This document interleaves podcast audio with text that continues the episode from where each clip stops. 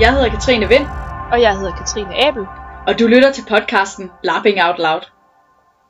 I det her afsnit taler vi om karakterskrivning, og har inviteret Freja Gyllenstrøm, der har skrevet karakterer til en masse forskellige scenarier.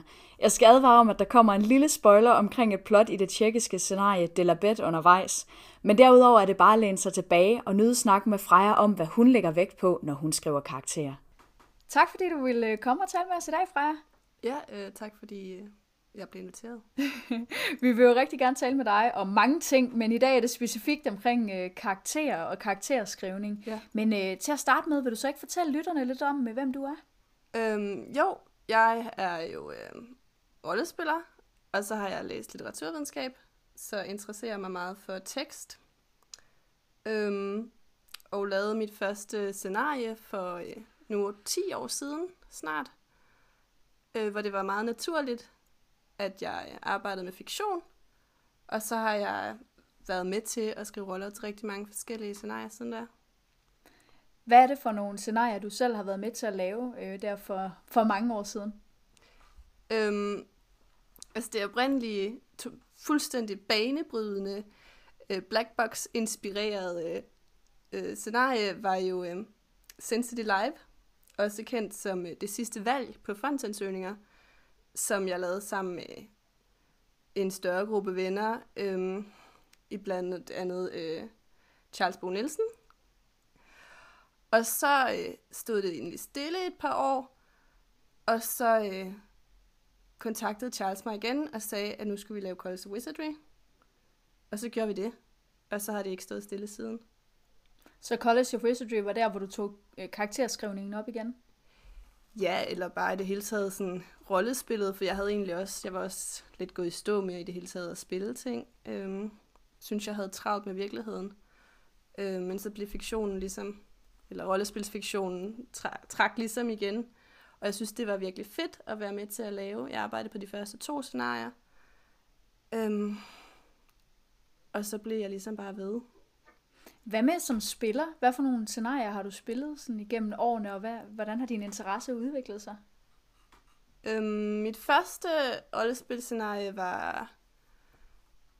Øhm, det var oppe i Jylland. Øhm, Det store mørke Det Jylland, store hvor mørke Abel Jylland. og jeg er fra. ja, og det var... Jeg kan ikke huske, hvad de hedder.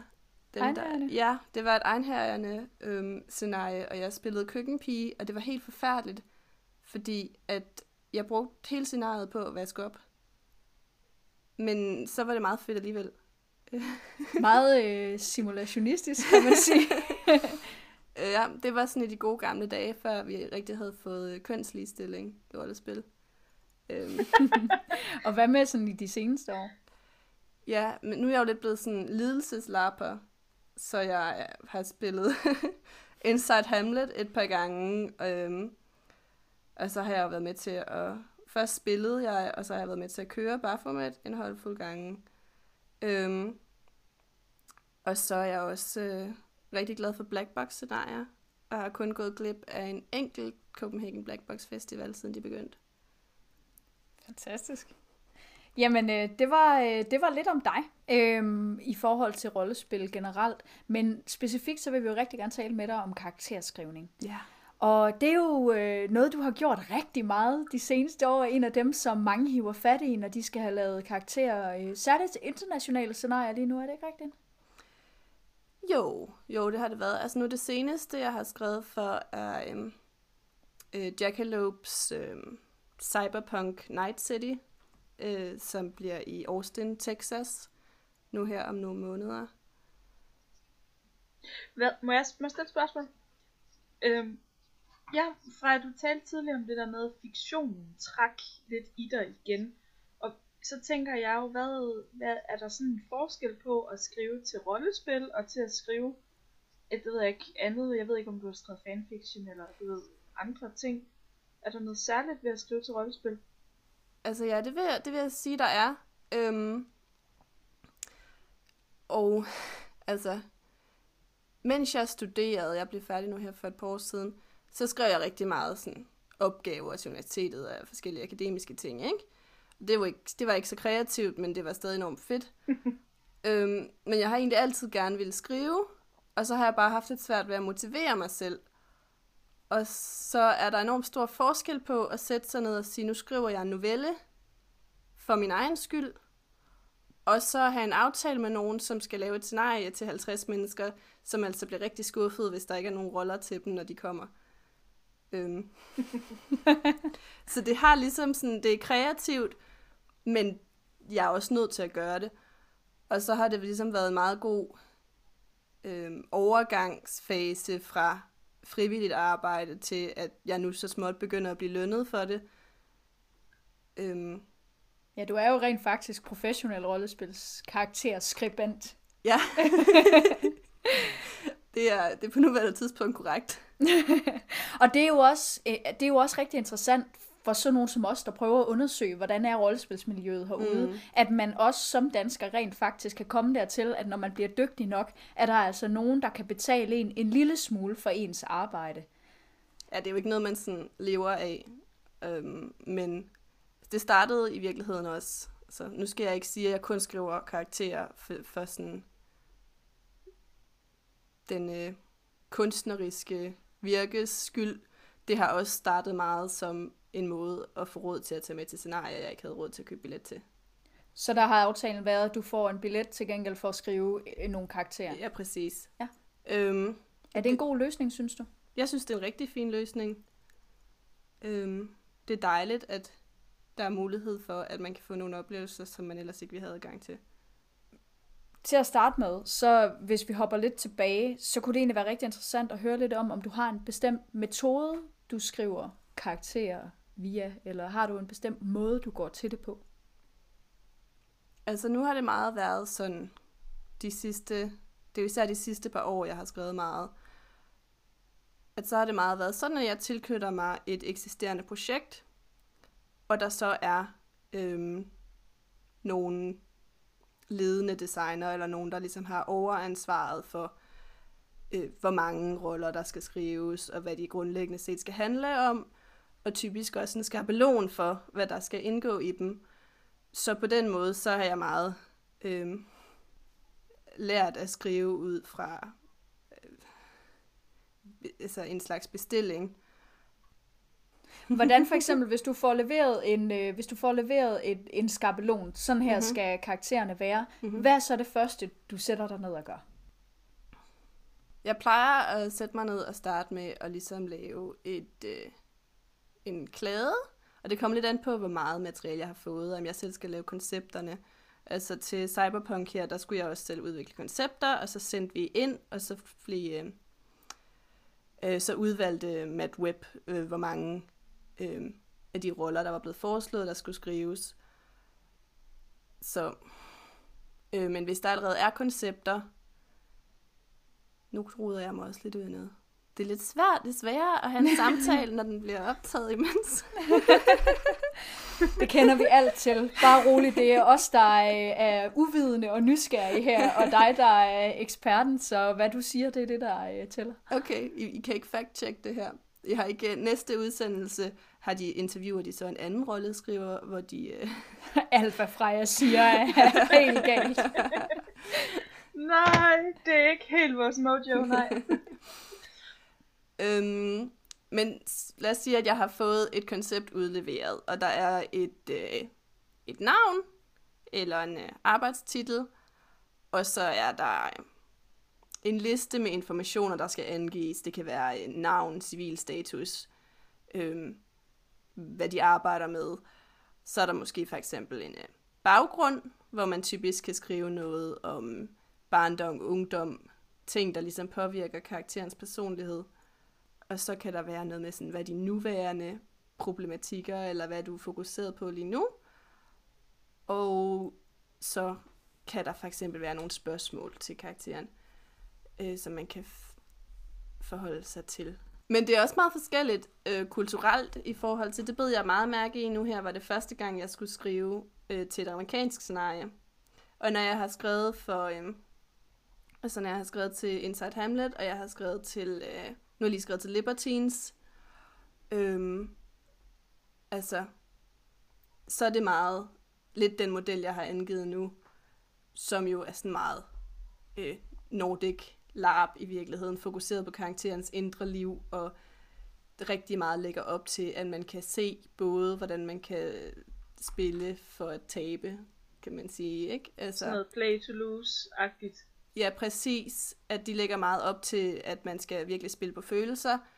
Hvorimod, sådan karaktererne til Cyberpunk her, det var meget forskelligt, og man kunne for eksempel skrive karakterer, der var sådan kun action-fokuseret. Og så er de også meget kortere. Så karaktererne her, der havde jeg en øh, max på 400 ord per karakter. Hvor altså, når jeg skriver karakterer for Simon Svensson, så er der jo et max på 2000. Ja. Og Simon Svensson, det er ham, der er blandt andet med i Atropos, ja. øh, som er en svensk organisation, for dem, der ikke skulle vide det. Præcis. Der blandt andet laver Libertines, og har været med til at producere en masse scenarier, også for andre. Mm. Ja, nå, men det synes jeg bare er, er sådan lidt spændende, at der alligevel også for dig som karakterskriver er så stor forskel på, på spillerkulturerne. Også at, at det faktisk kommer til udtryk allerede i karakteren. Ja. Men jeg kan godt mærke, altså selvom jeg så skrev, s- sad og skrev til Cyberpunk nu, så skriver jeg jo stadig lidelsesfokuserede karakterer. Ja. Øhm, Er det den type karakter, du skriver mest? ja, ja, det vil jeg sige. Hvorfor?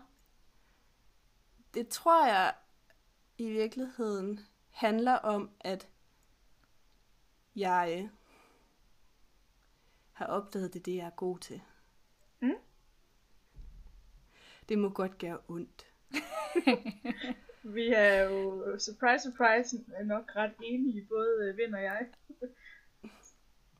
Altså, jeg kan også godt lide at skrive den der enormt øh, søde, naive karakter som sådan. Men altså, der bliver altid plantet nogle frø til noget ødelæggelse, ikke?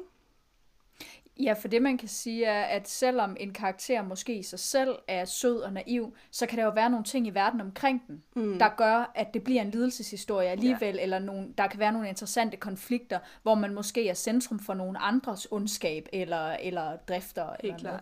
Så, så, så det er også bare, der, der er nogle forskellige måder, man kan få, få lidelse og drama mm. og så videre ind i en karakter. Jeg synes også, det er vigtigt ikke at skrive karakterer, der er for ensidige. Altså, jeg, jeg kan godt lide at skrive skurke, men der skal altid være noget godt i dem. Der skal altid være noget, man sådan kan identificere sig med som spiller, ikke? på en eller anden måde. Øh, og det samme med sådan rene helte, det fungerer heller ikke rigtigt for mig. Det skal helst... Jeg kan godt lide at plante nogle frø. Ja, jeg tænker også, der skal vel helst være noget modstand. Altså, Mm. nu, vi, vi har snakket sådan lidt om øh, historier og sådan fortællelinjer i det hele taget, og jeg tænker, det må være lidt det samme med karaktererne, at, at der skal være noget, noget modstand og noget his- historie, også i den enkelte karakter. Eller hvad? Ja. Jo, men altså det handler også rigtig meget om at give spillerne agens, når de skal spille de her karakterer. Fordi at man kan ikke som øh, øh, skribent sidde og forudse, øh, hvem, altså nogle gange ved man godt, hvem der skal spille rollen, Mm. men man ved ikke, hvilken retning de har lyst til at tage den i, så jeg synes, det er vigtigt, at man ligesom giver dem nogle forskellige veje, det er muligt at tage rollen i, ikke? Og lige præcis det her med, med en skurkerolle er jo den helt klassiske spilskabende ting til et scenarie, om det så er en NPC, eller om det er øh, spillere. Øhm, men det her med at få en skurkerolle, der netop er nuanceret, det er også for mig at se de mest interessante.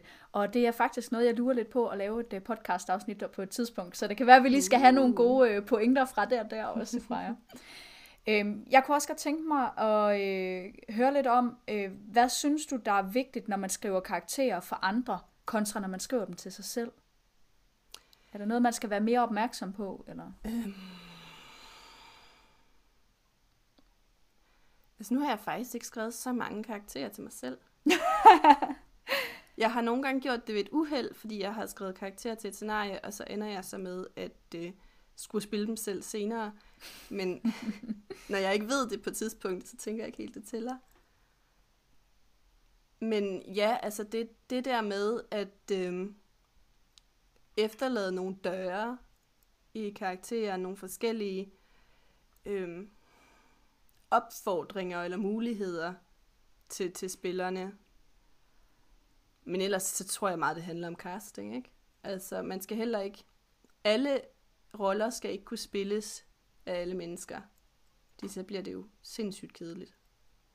Ja, og det kan være, at øh, vi lige skal tage, tage det danske øh, publikum her med i hånden, hvis man ikke er så vant til at spille internationale scenarier. Det, der meget er øh, i internationale scenarier nu, det er, at der er lavet en række karakterer, og så udfylder man en form for spørgeskema, og så bliver man castet ind i, hvad passer bedst til, øh, til det, man gerne vil spille, hvad for en rolle skal man så spille i det her scenarie. Fordi scenariet ligesom er bygget op med præskrevne karakterer.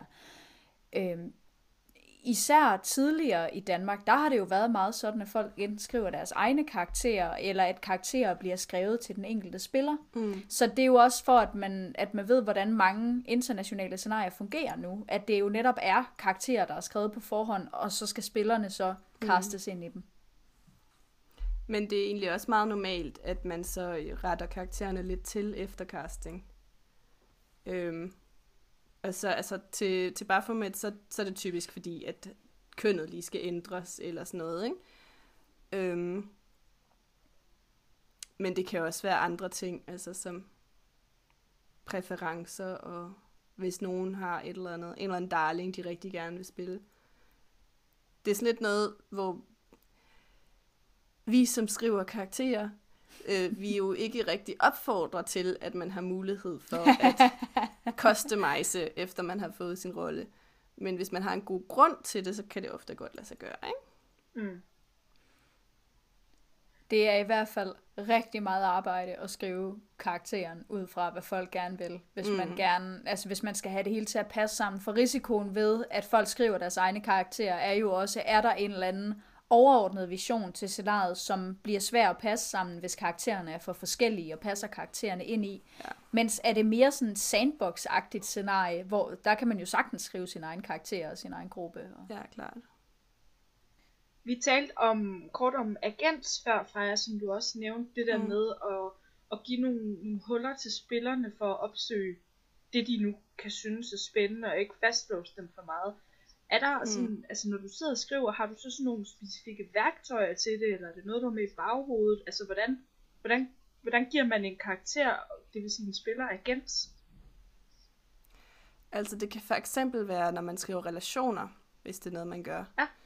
Øhm, at så ikke låse folk for meget i sådan nære relationer. Så hvis man, altså romantiske forhold og venskaber og sådan noget, at man ligesom efterlader en åbning til, det var måske sådan her, det var før, ja. men, øhm, eller også, altså til, øh, nu snakker jeg meget om cyberpunk men det er fordi, jeg lige har siddet nede med hovedet dybt begravet det i det. Det er så fint.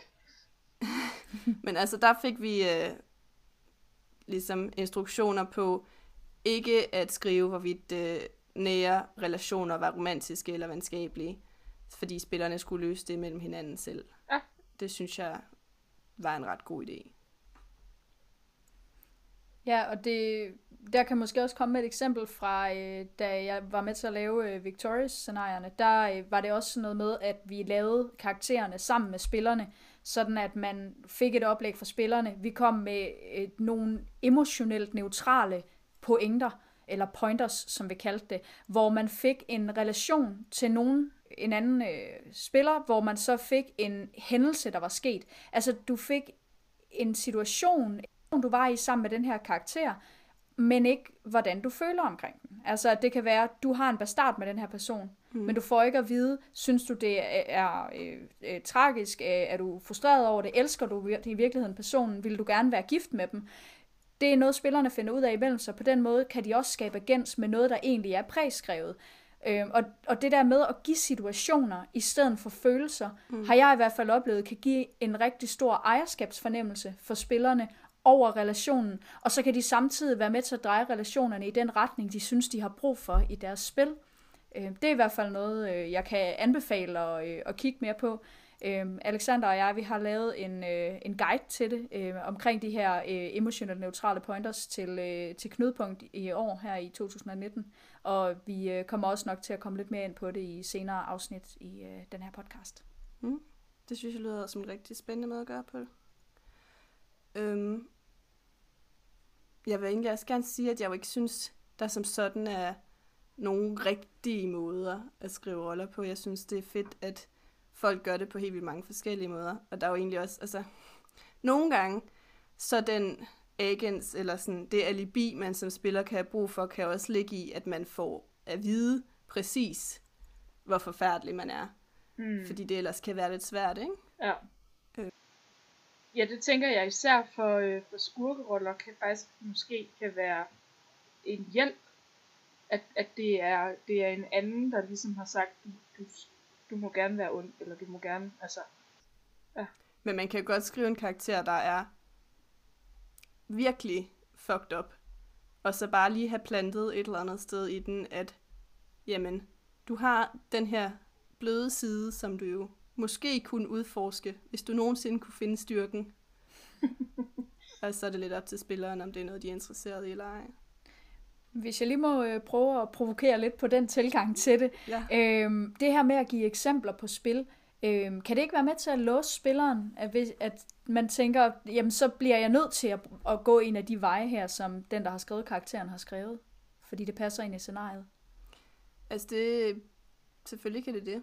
Men altså jeg tror oftere, det med eksempler kan hjælpe folk til at tænke på flere ting. Og så kan man se lidt, jamen okay, jamen, hvis det her er, hvad der nogenlunde forventes, eller ting i den her genre eller stil, ikke? Hvis der er et eksempel på, at altså, du kan tage din violin frem og give sig til at spille, så kan det godt være, at vedkommende, der får rollen, tænker, jeg spiller ikke violin. Og hvis jeg gjorde, så skulle jeg ikke være i centrum på den måde. Men så kan de måske selv komme på noget andet, øhm, inspireret af det. Så de er ment som sådan nogle inspirationspunkter. Ja. Øhm, er der, bliver det så kommunikeret klart ud med den måde, du gør det på, hvis der er noget, der ligesom forventes at gøre undervejs i spillet? Eller? Ja, helt klart. Og det har jeg også. Altså, øhm, I Sin City Live, det var jo sådan delvis skriptet, hvor der var en håndfuld roller, som indebar, at så skulle man gøre noget på et bestemt tidspunkt. Øhm, det, så, altså det vidste man, når man meldte sig til, og jeg tror vist nok også, at man betalte en lille smule mindre for rollen og sådan noget. Øhm, det synes jeg er fint. Det er bare, det er ligesom vigtigt at være klar omkring, ja, hvad der klar. forventes. Det er jo faktisk også noget, de gør ret meget i Tjekkiet. Øh, ja. Der er et, øh, et rollespils øh, samsurium dernede, der hedder Rolling, som laver en masse forskellige scenarier. Øh, blandt andet så har jeg været med til Delabet, som de har Off the Beast, øh, som de laver en gang imellem dernede. Og øh, der var, fik man jo sådan en hel rolle, hvor der så var nogle bestemte ting, man skulle gøre. 14.30 fredag, der skal mm. du være ude på den her plads sammen med hele din familie. Og så havde de lavet sådan nogle prædefinerede scener, og jeg synes egentlig også, det fungerede ret godt at have sådan nogle pejlemærker, fordi sådan en landsbypige som mig kunne få lov til også at se det der beast, der er ude i skoven, og selvom at det måske ikke ville give mening for min karakter ellers at, at være i nærheden af det. Mm. Øhm, så den del kunne jeg egentlig meget godt lide, men, men hvis man får mange af dem, så tror jeg egentlig godt, at jeg kunne føle mig lidt låst i det.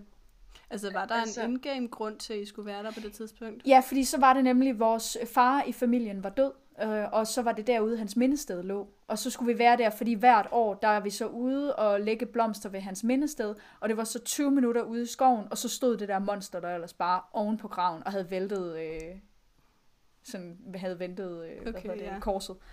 Så, øh, Men det er sjovt, synes... fordi jeg har faktisk... Jeg er det for meget spoiler? Tidligere tænkte jeg.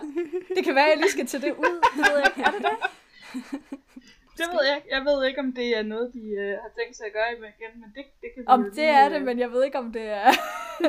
Nå, det må det vi se. Være, Den må jeg tage på min kappe, hvis det er. Ja. Det kan være, at I skal have sådan en spoiler alert i begyndelsen ja, af programmet. Ja, der er lidt uh, forskellige scenarier. Men altså, jeg har faktisk også brugt det der med, vi kaldte det så uh, uh, handlinger, altså givende handlinger. Men, mm. men det der med at skrive ind i kar- en karakter, du skal øh, i løbet af scenariet, skal du øh, stjæle håndtaget til klorofylmaskinen. Det er meget stenet, men, men det, var, det var en vigtig maskine til det her scenarie. Øhm, men vi gav ikke vi gav ikke nogen begrundelse til hvorfor. Det var så op til spilleren selv i forhold til mm. resten af rollen og, og vedkommendes ligesom sådan øh, adaptation af rollen selv og finde ud af, okay, jamen, jeg skal stjæle den her ting, men hvorfor gør jeg det? og hvornår gør jeg det. Øhm, og det fungerede faktisk rigtig, rigtig godt, fordi det betyder, at man stadig har ejerskab over karakteren, selvom man får en scripted action.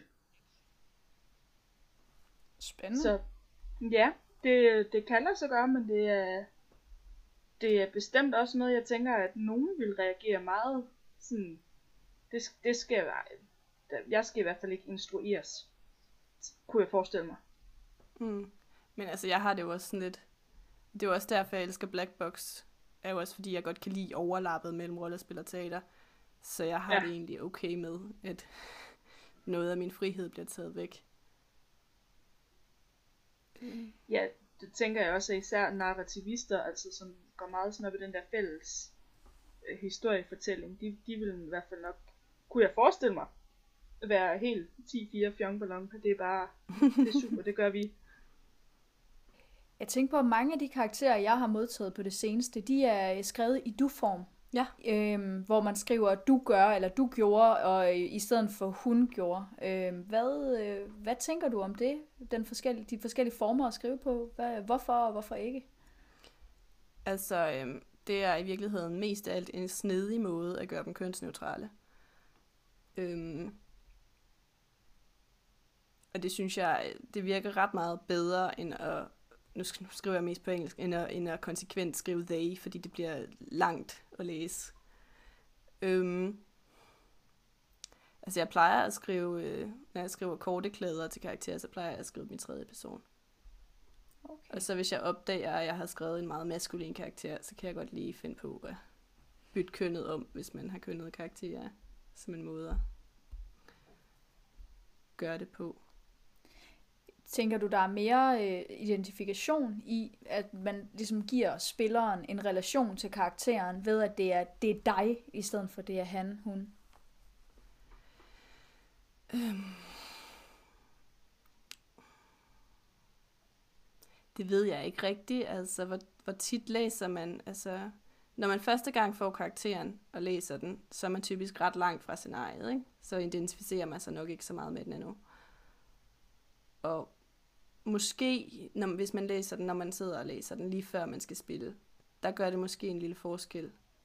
Og hvis man så læser den efter spillet, er jeg sikker på, at det gør en forskel. Men mange tænker jo i forvejen sådan, deres karakterer i tredje person, og de tænker på dem. Så jeg ved ikke rigtigt. Det er sjovt, fordi jeg har det sådan, at hvis jeg læser noget i du-form, så på en eller anden underlig måde, så, så synes jeg, det er sådan lidt mere personligt skrevet til mig. Også mm. selvom at du egentlig er øh, den fiktive karakter, jeg skal portrættere. Men, mm. men det, det føles bare sådan lige lidt mere personligt skrevet specifikt til mig. Og, og det er jo... Det ved jeg ikke, om det er bare mig, der lægger det ind i det.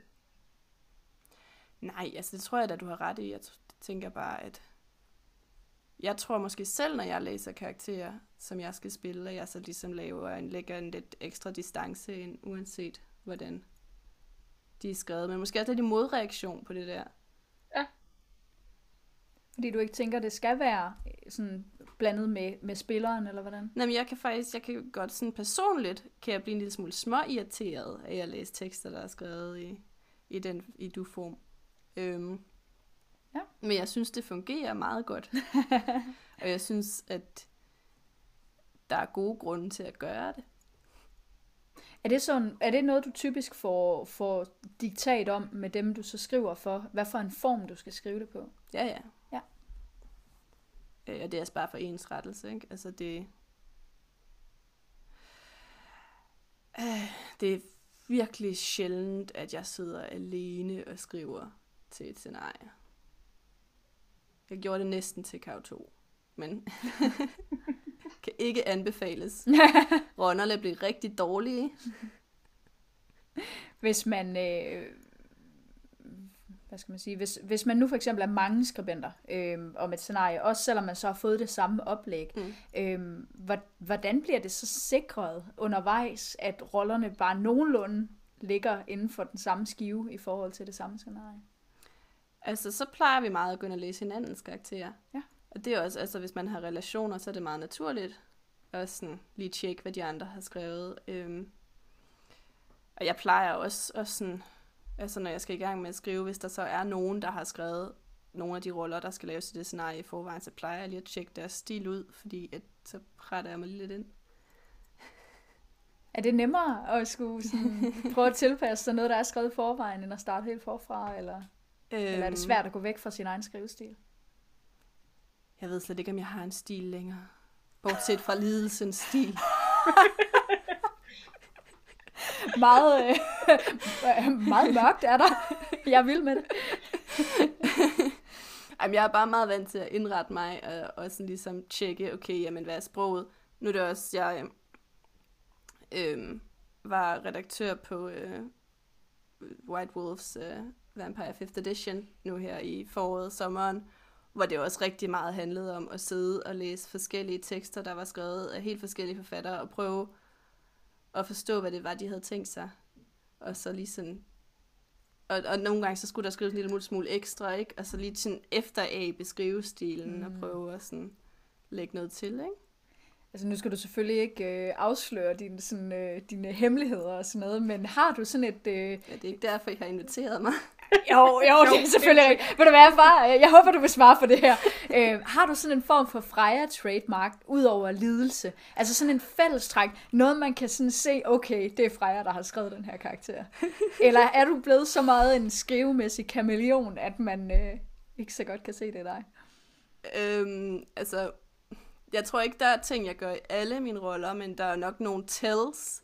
Jeg har en... Øh, øh, altså, som akademiker, så er jeg jo sådan specialiseret i øh, viktoriansk litteratur, så jeg har en svaghed, øh, når jeg skriver karakterer fra 1800-tallet især, øh, også op 1920'erne, altså bare i det hele taget karakterer, der, der har et eller andet, nej, ja. Jeg har en svaghed med at plante øh, værker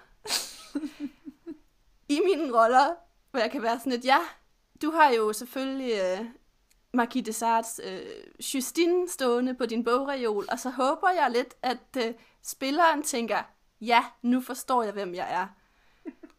Eller hvem i verden, hvad, hvad snakker hun om? Der er noget, jeg skal læse op på. og jeg prøver at begrænse det, men, men ja. Øhm. Ja. Altså, det skal jo ikke være nogen hemmelighed, at det måske er en, jeg selv har opdaget. øhm, jeg synes, jeg har, øh, har modtaget en karakter eller to, hvor der er indgået øh, kunst- eller kulturreferencer, hvor jeg nogle gange lige må slå den op for at være helt skarp på, hvad er, øh, hvad er det egentlig, det her prøver at fortælle mig. Men altså, jeg er jo ikke den eneste, der gør det. Nej, det er en meget populær ting derude, er det ikke det? Mm. Altså, og det er meget normalt, at man har sådan en inspirationslinje, hvor man lige har smidt noget ind. Ja. Øhm. Ved du, hvor det kommer fra? Er det, hvem, hvem har du selv set gøre det?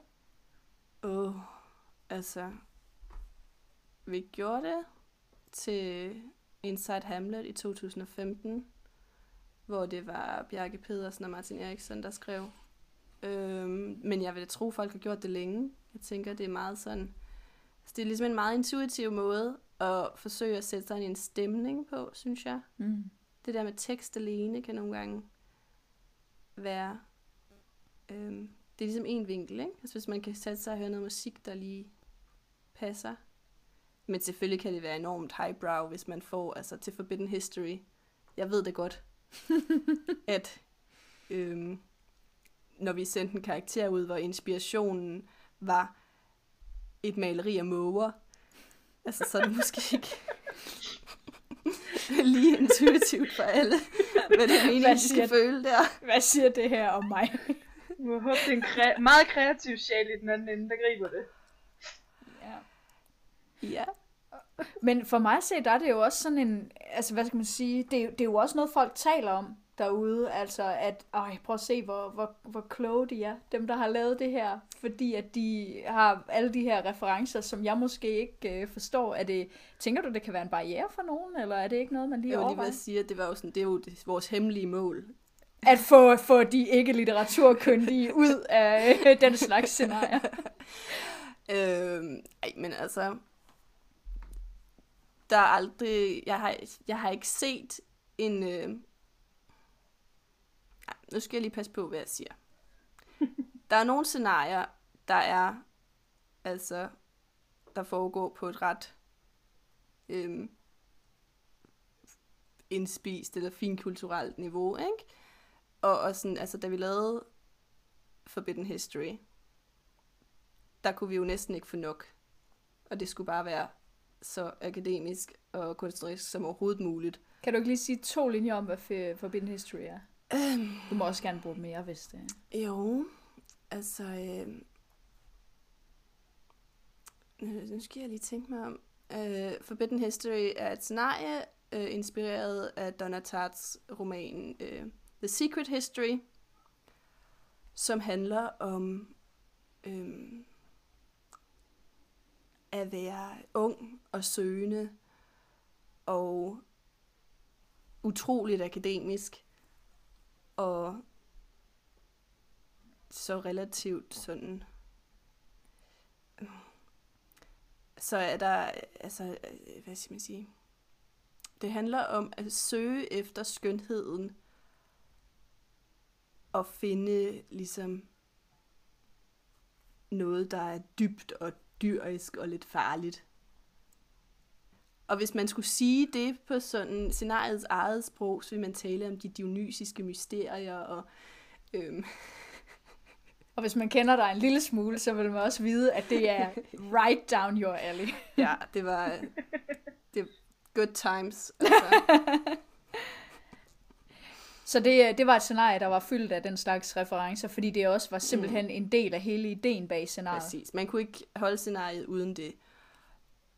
Og så er der andre scenarier, hvor man måske har en, altså, hvor man bare måske har en enkelt linje, hvor der er sådan et stemningsinspiration, og så er der et eller andet digt, hvor man kan ignorere det eller ej. Ikke? Mm. Så Ja, der er også nogen, der bruger sange til alle ja. karaktererne. At så er det det, der ligesom er, er flavor, øh, er, i stedet for en tekst. Mm. Ja.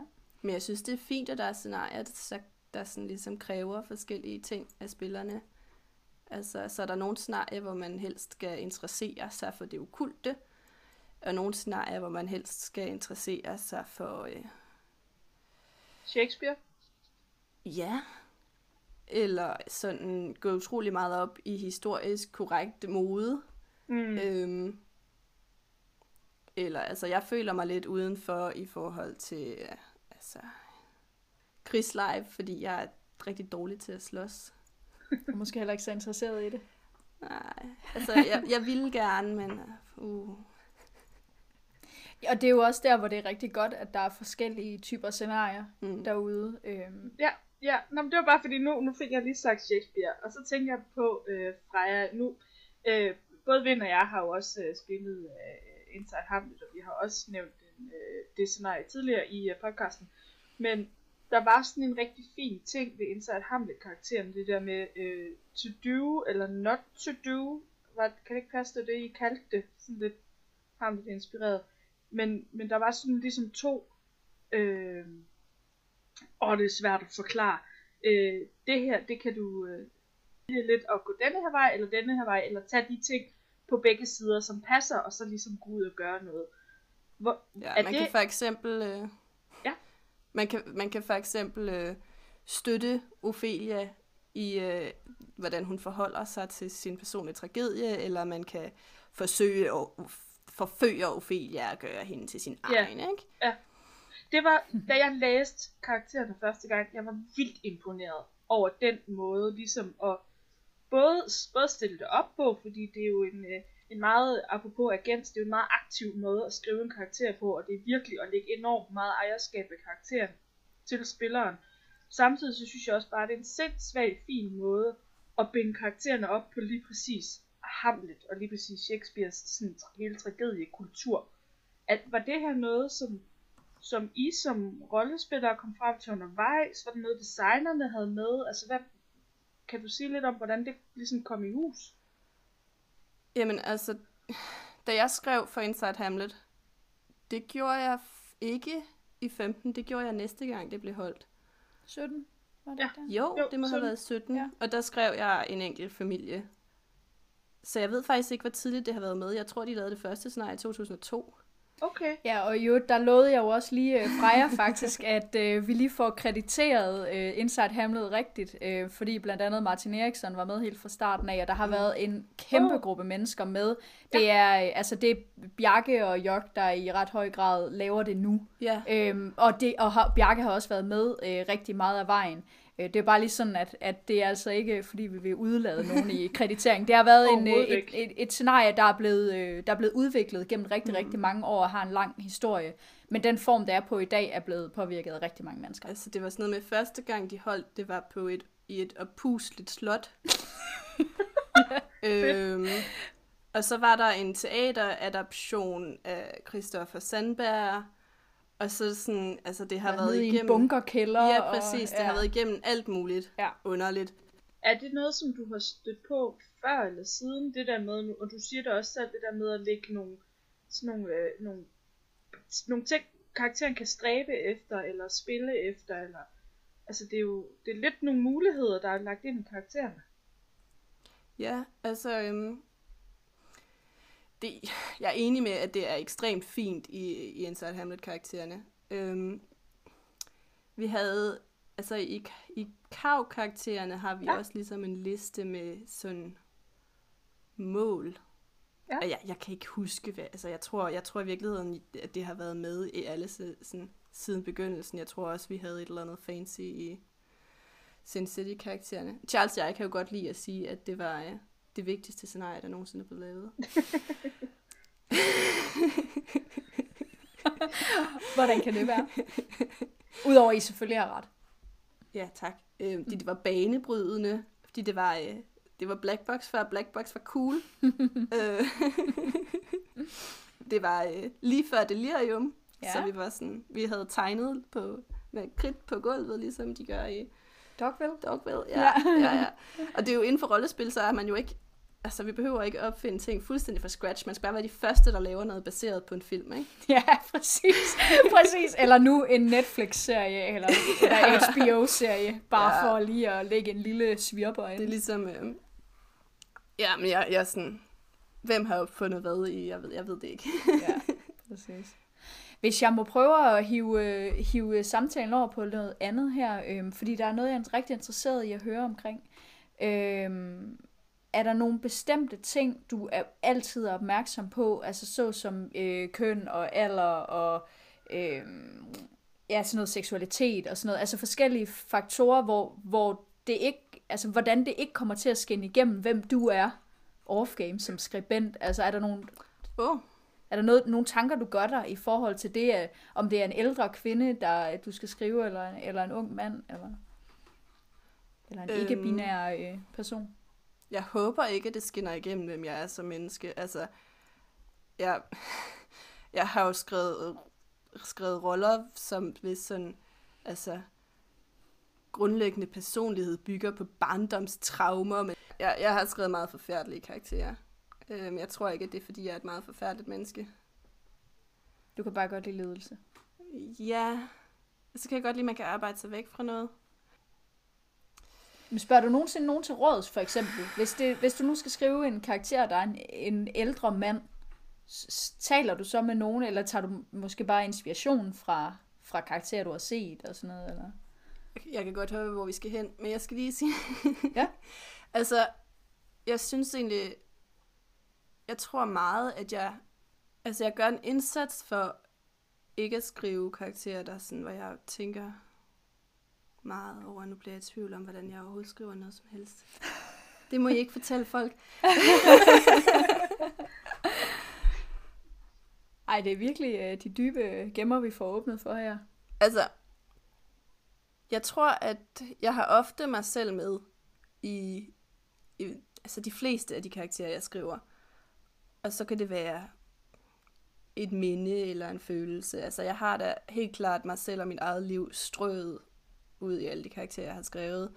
Fordi, altså, når jeg skriver om, hvordan det føles at være ulykkeligt forelsket i nogen, altså, eller jeg skriver om altså sådan de der forskellige øjeblikke, man kan have i løbet af sit liv, som jo er dybt personlige, så kan jeg, altså, så, det er ikke fordi, jeg tager dem direkte, men sådan, jeg kan da godt lige tage noget med her og der, ikke? Altså, sådan, jeg tror, jeg har skrevet en karakter på et eller andet tidspunkt, sådan det der med, hvordan det føles at sådan, kunne huske, hvordan det føles at holde nogen i hånden, som man ikke holder i hånden længere, ikke?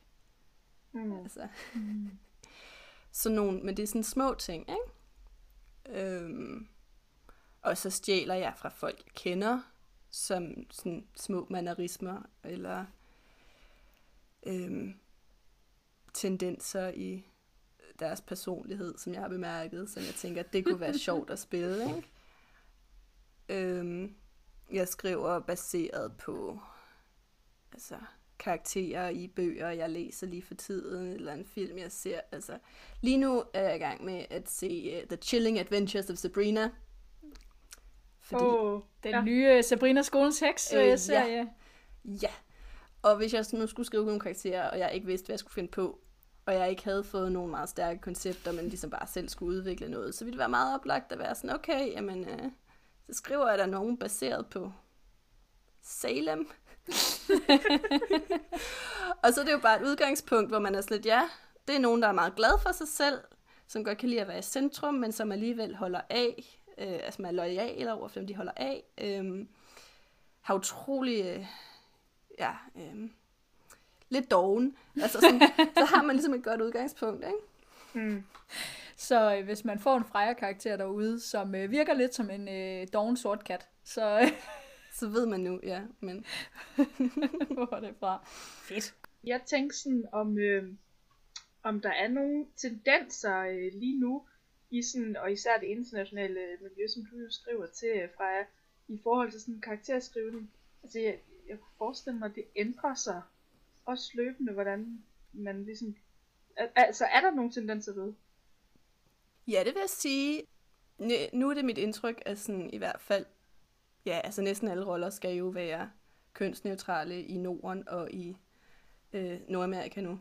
Mm. Øhm, det er noget, der er sket inden for de sidste par år. Og man er også blevet mere forsigtig med, hvad man må have med i karakterer, hvor vi jo plejede at sådan få karakterer at læse, hvor man godt kunne have sådan, men du er blevet voldtaget, og du er mega traumatiseret. Og det passer man lidt mere på med nu, ikke? At det skal Ja. være, altså, det skal være mere op til spillerne selv, mm, hvad de har lyst til at gå med til at spille på.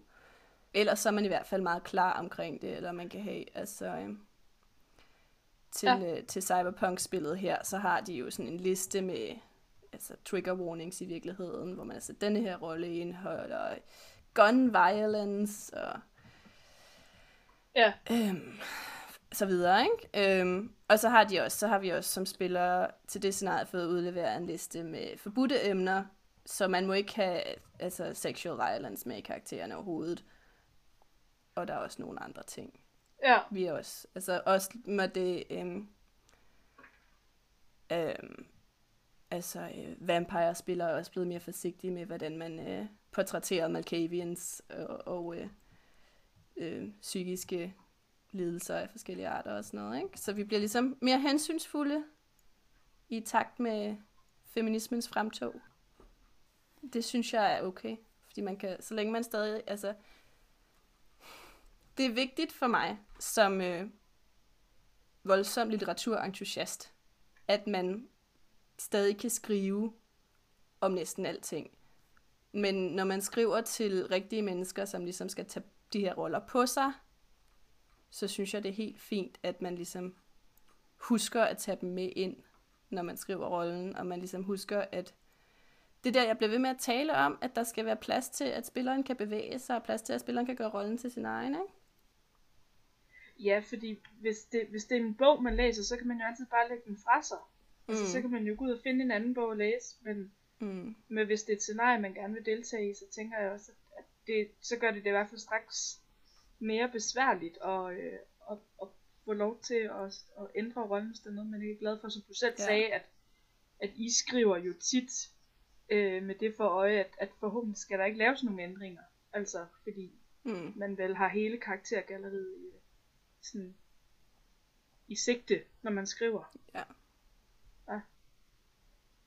Og jeg synes bestemt også, at det er, det er en fin udvikling, altså fordi man kan jo selv, det, det gør jeg da i hvert fald nogle gange, hvis jeg tænker, ah, den her karakter kunne godt lige bruge lidt, på lidelse, lidt mere øh, smerte herover eller lidt mere mm. et eller andet herover, altså det kan man jo selv krydre kagen med øh, efterfølgende.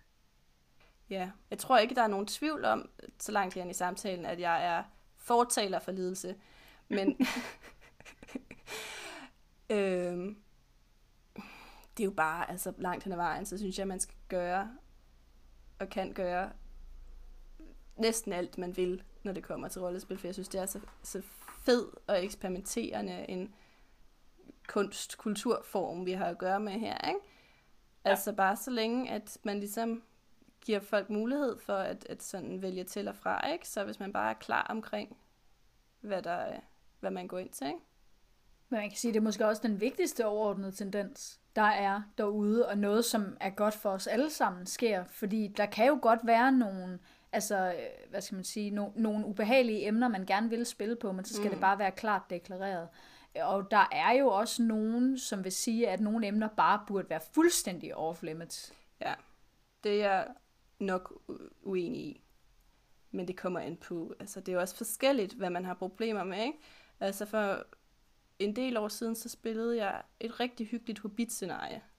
Øh, lavet blandt andet af min veninde Anna Hjortkær og flere andre. Det var bare hyggeligt, og vi skulle bare spise kage og ryge pibe og drikke snaps i sådan fem dage eller sådan noget. Men min karakter var gravid, og alle skulle spille på det rigtig meget. Og det kunne jeg bare ikke finde ud af, fordi at sådan på det daværende tidspunkt, det var, det var bare ikke noget, jeg kunne finde ud af som spiller mm. overhovedet at skulle dele med. Øhm, så det er sådan en ting, sådan, nu tror jeg, det vil være fint, men på daværende tidspunkt var jeg bare sådan, jeg skal, det kunne jeg ikke, vel? Ja. Hvorimod, altså, jeg kan godt spille på altså, vold og mor og incest og sådan, altså. Ja. Men lykkelig ventende mor, uh. Den er ikke god. Nej, men det er jo meget yes. forskelligt, hvad der, hvad der trigger os, yeah. ikke? Altså, og det er jo også, som du har selv til, det er jo også meget forskelligt, hvad det er, vi synes, der er fedt at spille på. Altså, mm. der er der sikkert nogen, der vil synes, at den der uh, gravide hobbit bare vil være den fedeste karakter at få uh, tildelt. Helt klart. Ja. Så, men det, altså, ja, det binder jo også op om det der hvor mange underlige ting man kunne spise. Hvad siger du? Undskyld, jeg sagde bare, prøv lige at overveje, hvor mange underlige ting man kunne spise med det alibi, altså. Ja, og jeg tænker også bare, altså, at, at der er jo en tendens til, at man er lidt bedre til det der med diversitet og, og sådan generelt, så jeg synes, at det er fedt at høre, mm. at, at det også er noget, der bliver tænkt ind i, uh, i karaktererne. Fordi de er jo en stor del af oplevelsen. Det var sådan, nu siger jeg, at der er ikke noget, man ikke må, men altså, det er måske meget fint, at vi har skåret lidt ned på, sådan, hvor historisk korrekt, racistisk man skal være og sådan noget. Men altså, jeg synes stadig, det er fint, at man gør ting en gang imellem, og jeg har også, altså, jeg har spillet nazist til et scenarie, hvor det være helt forfærdeligt. Det var virkelig svært. Ja. Øhm, det var til cabaret, og vi skulle undertrykke alle de fantastiske glitrende queers. Åh. Oh. det gjorde ondt. Men altså sådan, selv der, hvor jeg, jeg vil sige, man kan ikke lave en generel regel om, at man ikke må spille nazister. Det scenarie havde ikke fungeret lige så godt uden. Vi har jo også en hel masse, vi gerne vil tale om i forhold til øh, lidt callback til vores øh, snak om frontloading og backloading i et tidligere afsnit omkring frontloaded, øh, frontloaded relationer. Men det tænker jeg, at vi gemmer til, øh, vi skal snakke om deciderede relationer, fordi vi når kun karakterer igennem i dag. Øh, jeg vil lige høre, om der er mere, du gerne vil spørge om, Abel.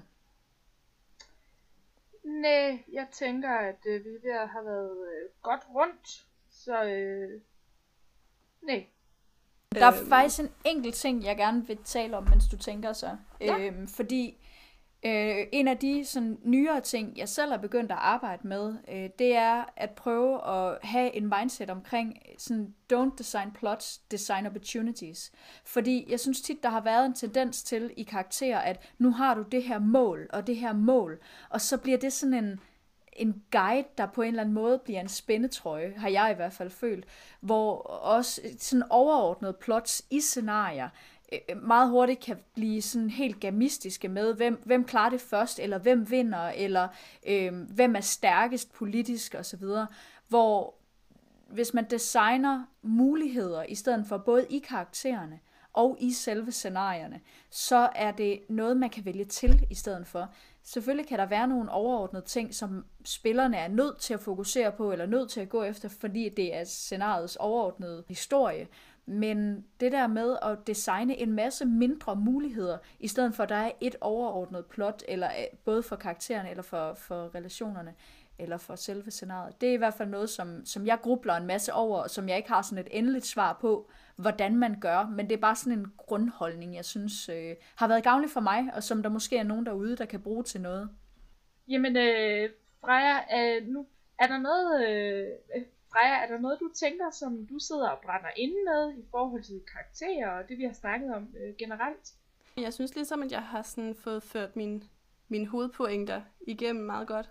Altså det der med at sådan give mulighed for handling, men ikke ligesom tvinge noget igennem, medmindre man har meldt det klart ud. Ja. Jeg er, bare, jeg er bare meget forsigtig med ikke at sige, at der er noget, man skal gøre på en bestemt måde. Fordi det er sådan, det generer mig lidt, når folk er, bliver meget sådan... Kategoriske. Ja. Og det vi jo også gerne vil her, det er jo netop at, at give et indblik i, hvordan gør du, så man kan blive inspireret af det, og, og også komme med, med nogle pointer til, mm. sådan, hvad, hvad, hvad sker der derude på karakterskrivningsfonden det er jo kun en lille del af det, vi faktisk har, har gået igennem nu, men det er jo ja. også en god mulighed for, at du, øh, du tænker endnu mere over, hvad du godt kunne tænke dig at komme ud med, og så at vi inviterer dig ind igen. Ja. Øhm, jeg kunne godt tænke mig, at vi kunne lave et interview med folk, der har spillet mine karakterer, hvor vi sådan sidder og spørger lidt ind til deres oplevelse, men de græder. Øhm. Hvor meget led du på en skala fra 1 til 5?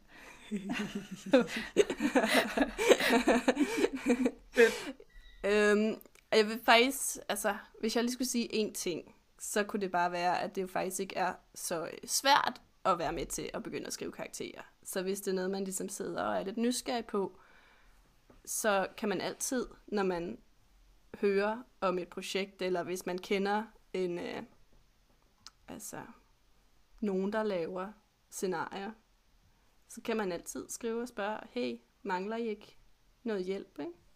Og så kan det være, at man, yeah, ja, det var måske bare det. Ja, at man også er nødt til at række ud efter det, hvis man ikke... Øh, fordi du, du får jo også flere og flere opgaver, fordi at du, mm. Øh, du, det bliver set, at du laver mm. et rigtig godt stykke arbejde. Så det er også noget, der kommer efterhånden, men man er nødt til at øh, få foden indenfor hos nogen. Så man er nødt til at gøre opmærksom på, at man overhovedet er interesseret i det. Ja, ja. Så ja, ræk ud til jeres GM'er og hør, hvad mulighederne er, om de kunne tænke sig at prøve det af, og øh, hvis der er nogle fede projekter derude. Mm. Det, øh, det, jeg tror, der er mange, der er åbne for at give den slags muligheder. Øh, og i hvert fald, øh, at man kan komme med og se, hvordan noget er skrevet. Og så et andet råd også til at læse en masse forskellige karakterer og blive inspireret. Mm. Hvad gør andre? Helt sikkert. Jeg synes i hvert fald, det er en ret fed måde at øh, være, involvere sig på og komme lidt dybere ind i, øh, de forskellige verdener, vi leger med. Uden man behøver at tage sig af lokationen, ikke? Ja. Fedt. Nå, jamen øh, jeg tænker, at øh, jeg med de ord øh, vil øh, sige, øh, eller vi vil sige tusind tak, fordi du kom og var med, Freja. Ja, selv tak. Det var rigtig hyggeligt. Det har været super interessant, og øh, som øh, Vind også sagde tidligere, så øh, kunne det være, at vi øh, senere øh, skulle, skulle samle op og snakke om noget af alt det, som vi ikke har med i dag jeg tænker i hvert fald, at vi siger tak herfra. Selv tak. Det var alt for denne her gang. Du har lyttet til Laughing Out Loud. Mit navn er Katrine Vind. Og jeg hedder Katrine Abel. Tak fordi du lyttede med.